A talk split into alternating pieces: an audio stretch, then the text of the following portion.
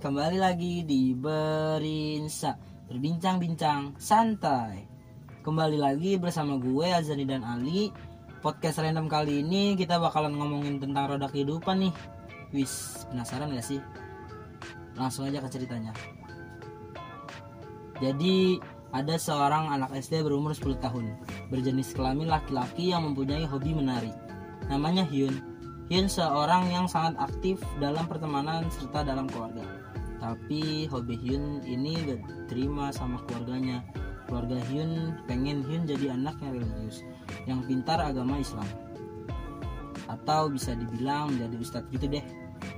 Hyun tetap kekeh buat jalanin hobinya secara diam-diam. Bersama teman rumahnya yang berumur 13 tahun namanya Amel. Setiap pulang sekolah, gue dan Amel bakalan selalu ngabisin waktu buat belajar nari di rumah bibinya Amel, yaitu Bibi Mai. Ada beberapa tari yang kita pelajarin, dari tradisional dan juga tari modern kita pelajarin. Oh iya, kita belajar nari bukan sembarangan belajar. Kita punya tujuan juga loh. Kita belajar nari karena pengen nampilin nari di acara malam puncak 17 Agustus loh. Hehehe sampai tujuan kita berdua yaitu pentas acara malam puncak HUT RI pada tanggal 30 Agustus. BTW, kita berdua nampilin tiga tarian sekaligus dalam satu acara. Hehehe. Pas bawain itu ngerasa bangga banget. Karena bisa bawain tiga tarian dalam satu acara.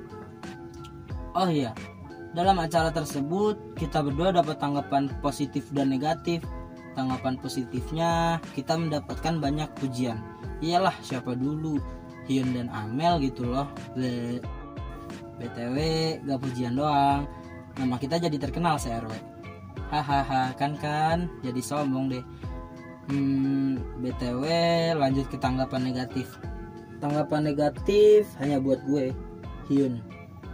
Para anak laki-laki se-RW membuli gue. Ya biasalah. Mereka pasti iri gak bisa bawain tiga tarian kayak gue. Uh dasar. Gak bisa hargain hobi orang.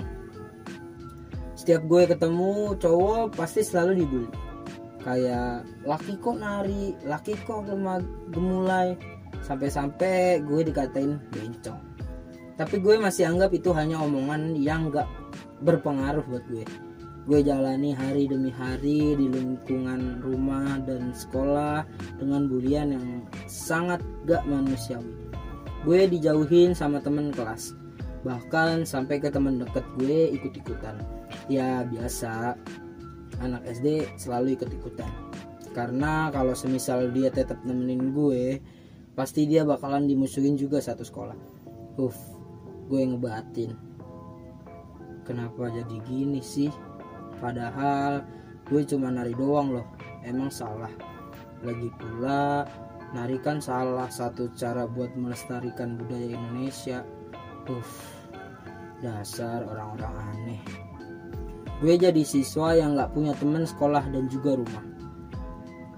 Temen satu-satunya gue itu ya cuman Amel temen nari gue. Sebulan dua bulan gue selalu jadi anak buangan kalau ada tugas kelompok. Gue gak dapet kelompok sama sekali. Kadang gue kerjain tugas kelompoknya sendirian. Terus hasil dari gue kerjain gak diterima sama guru. Gue tetap senyum walaupun rasanya sakit banget. Hati gue sakit. Batin pun capek. Huhuhu After dua bulan setelah kejadian tugas gue gak diterima, gue ikut lomba nari yang diadain sama Pak Lurah. Buat wakilin kampung gue lomba sekecamatan. Gue, Amel, dan dua sahabat Amel, Melisa dan Putri, kita berempat latihan di rumah Bimai setelah pulang sekolah atau gak saat libur sekolah. Seminggu sebelum lomba, gue berempat izin sama orang tua masing-masing buat isi data diri. Sama ngumpulin uang buat sewa kostum nah, berempat. Tapi gue ngisi surat izin sendiri. Gue juga pakai duit tabungan gue buat sewa kostum tari. Gue gak mau kalau keluarga gue tahu kalau gue ikut lomba nari sekelurahan karena menurut keluarga gue hobi gue adalah aib kadang gue nangis tengah malam karena gue gak punya support system Rumah yang seharusnya buat berbagi cerita, tapi gue malah dapet sebaliknya. Hanya bentakan, kekerasan fisik, dan bulian yang gue terima oleh lingkungan sekitar gue. Ada satu orang yang menjadi teduhan gue saat gue nangis dan mau dengerin cerita gue, yaitu Bimai. Bimai sayang banget sama gue, kayak ibu yang sayang sama anaknya, karena Bima itu perawan tua yang berumur 48 tahun. Kadang Bima izinin gue buat nginep sementara di rumahnya. Kalau gue lagi ribut sama orang rumah. Hari yang ditunggu-tunggu sama gue berempat pun tiba. Gue berempat ke tempat rias dan pakai kostum tarinya. Terus ke rumah Bimai buat latihan terakhir sebelum kita ke tempat acara. Setelah latihan, salah satu keluarga Amel beliin kita makanan dan minuman buat sebelum lomba. Gue berempat OTW ke tempat acara pakai mobil Amel yang dibawa sama kakaknya. Setelah sampai, Amel ngambil daftar peserta dan dapet peserta ke 24 dari 50 peserta. Gue, Amel, Melisa, dan Putri menikmati dan berargumen sebelum tampil. Waktu gue tampil, ternyata ada guru SD gue dan teman satu kelas gue. Anak cewek kelas gue yang lihat gue waktu itu langsung masang raut muka benci ke gue. After gue nampilin tarian di panggung, gue berempat pun segera ganti baju ke ruang ganti yang disediakan oleh panitia dan melanjutkan untuk menikmati acara hingga selesai. Sampailah kita di penghujung acara, waktunya untuk pengumuman juara 1, 2, 3, dan juara harapan. Gue berempat berdoa, dan ya usaha nggak mengkhianati hasil. Gue juara harapan. Ah OMG seneng banget. Ya walau gak jadi perwakilan kampung karena yang jadi perwakilan kampung hanya juara satu. Uh gak apa-apa gak apa-apa.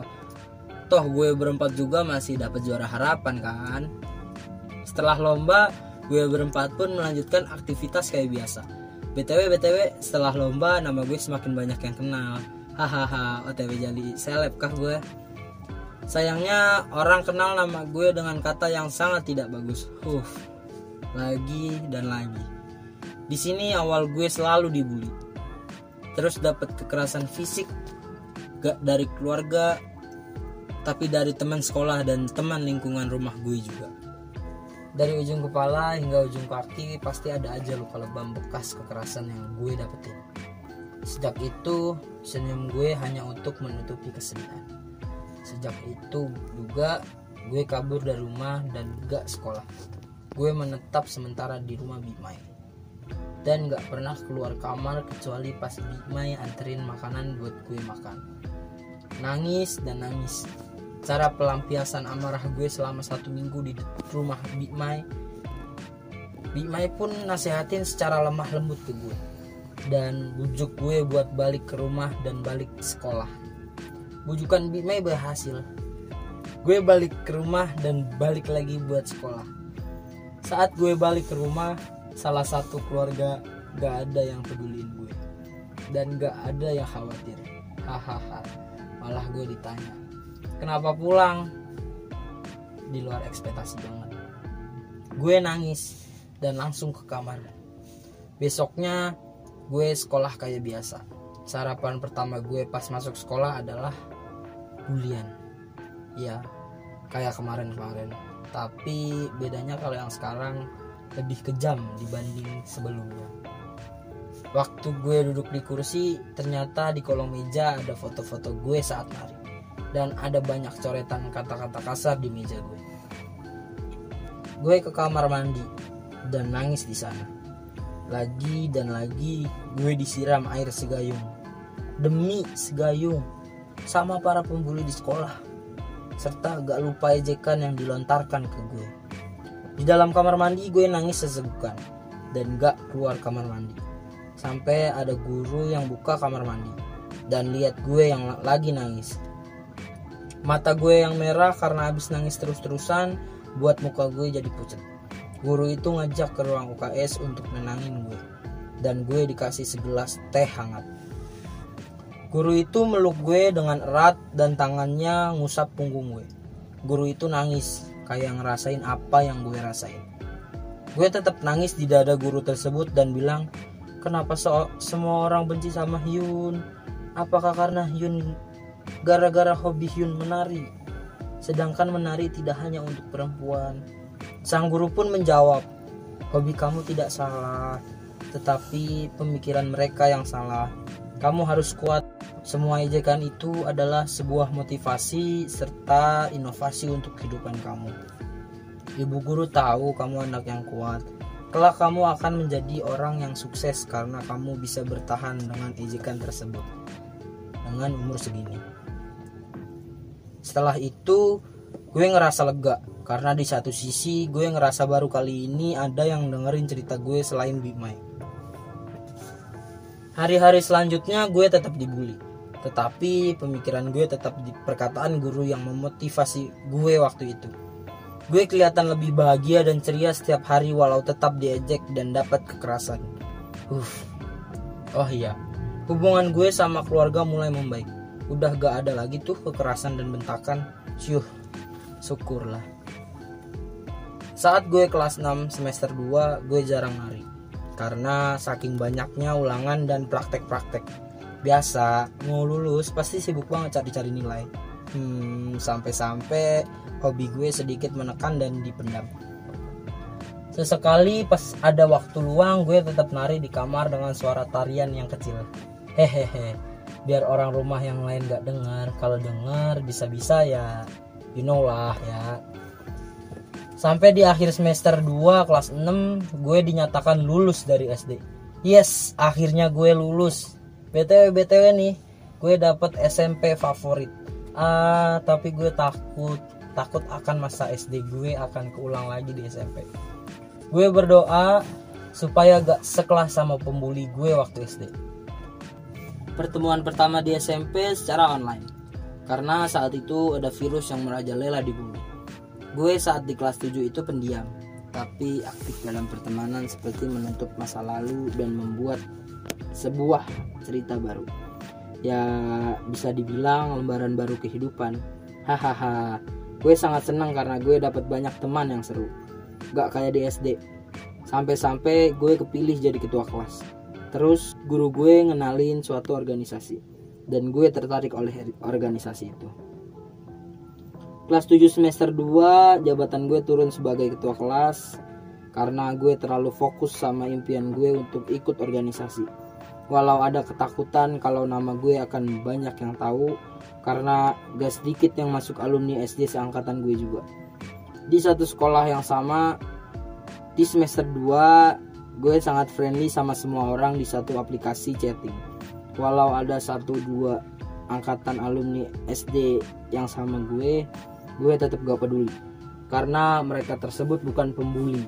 Gue waktu di SD setelah ujian kenaikan kelas gue dinyatakan naik kelas 8 dan dikabarin kalau saat kelas 8 akan dilakukan pembelajaran tatap muka akan dimulai.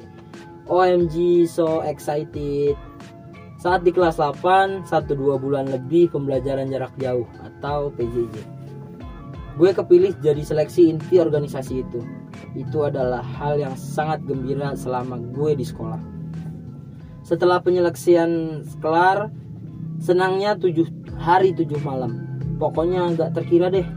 Selain jadi anggota organisasi, gue juga dapat jabatan di kelas, yaitu bendahara kelas. Hehehe bulan Oktober pembelajaran tatap muka atau PTM. Semenjak itu kenal banyak temen sampai-sampai gue punya temen di luar kelas. Ya mungkin ini karena organisasi juga kali ya. Saat itulah gue bener-bener lupain kejadian waktu SD. Gue berteman sama pembuli SD dulu, berteman doang, tapi gak terlalu dekat gitu. Karena gue tahu rasanya gak punya temen dan gak ditemenin. PTM dilaksanakan sampai Desember. Hari-hari PTM terbatas hanya 20 siswa-siswi yang diizinin masuk atau bisa dibilang hanya 50% siswa-siswi yang masuk. Hubungan gue sama temen semakin baik dan semakin banyak.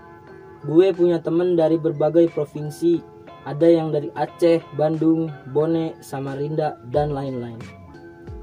Tapi kisah pertemanannya singkat karena mungkin semua orang punya kesibukan masing-masing. dan gak harus berteman sama satu orang aja.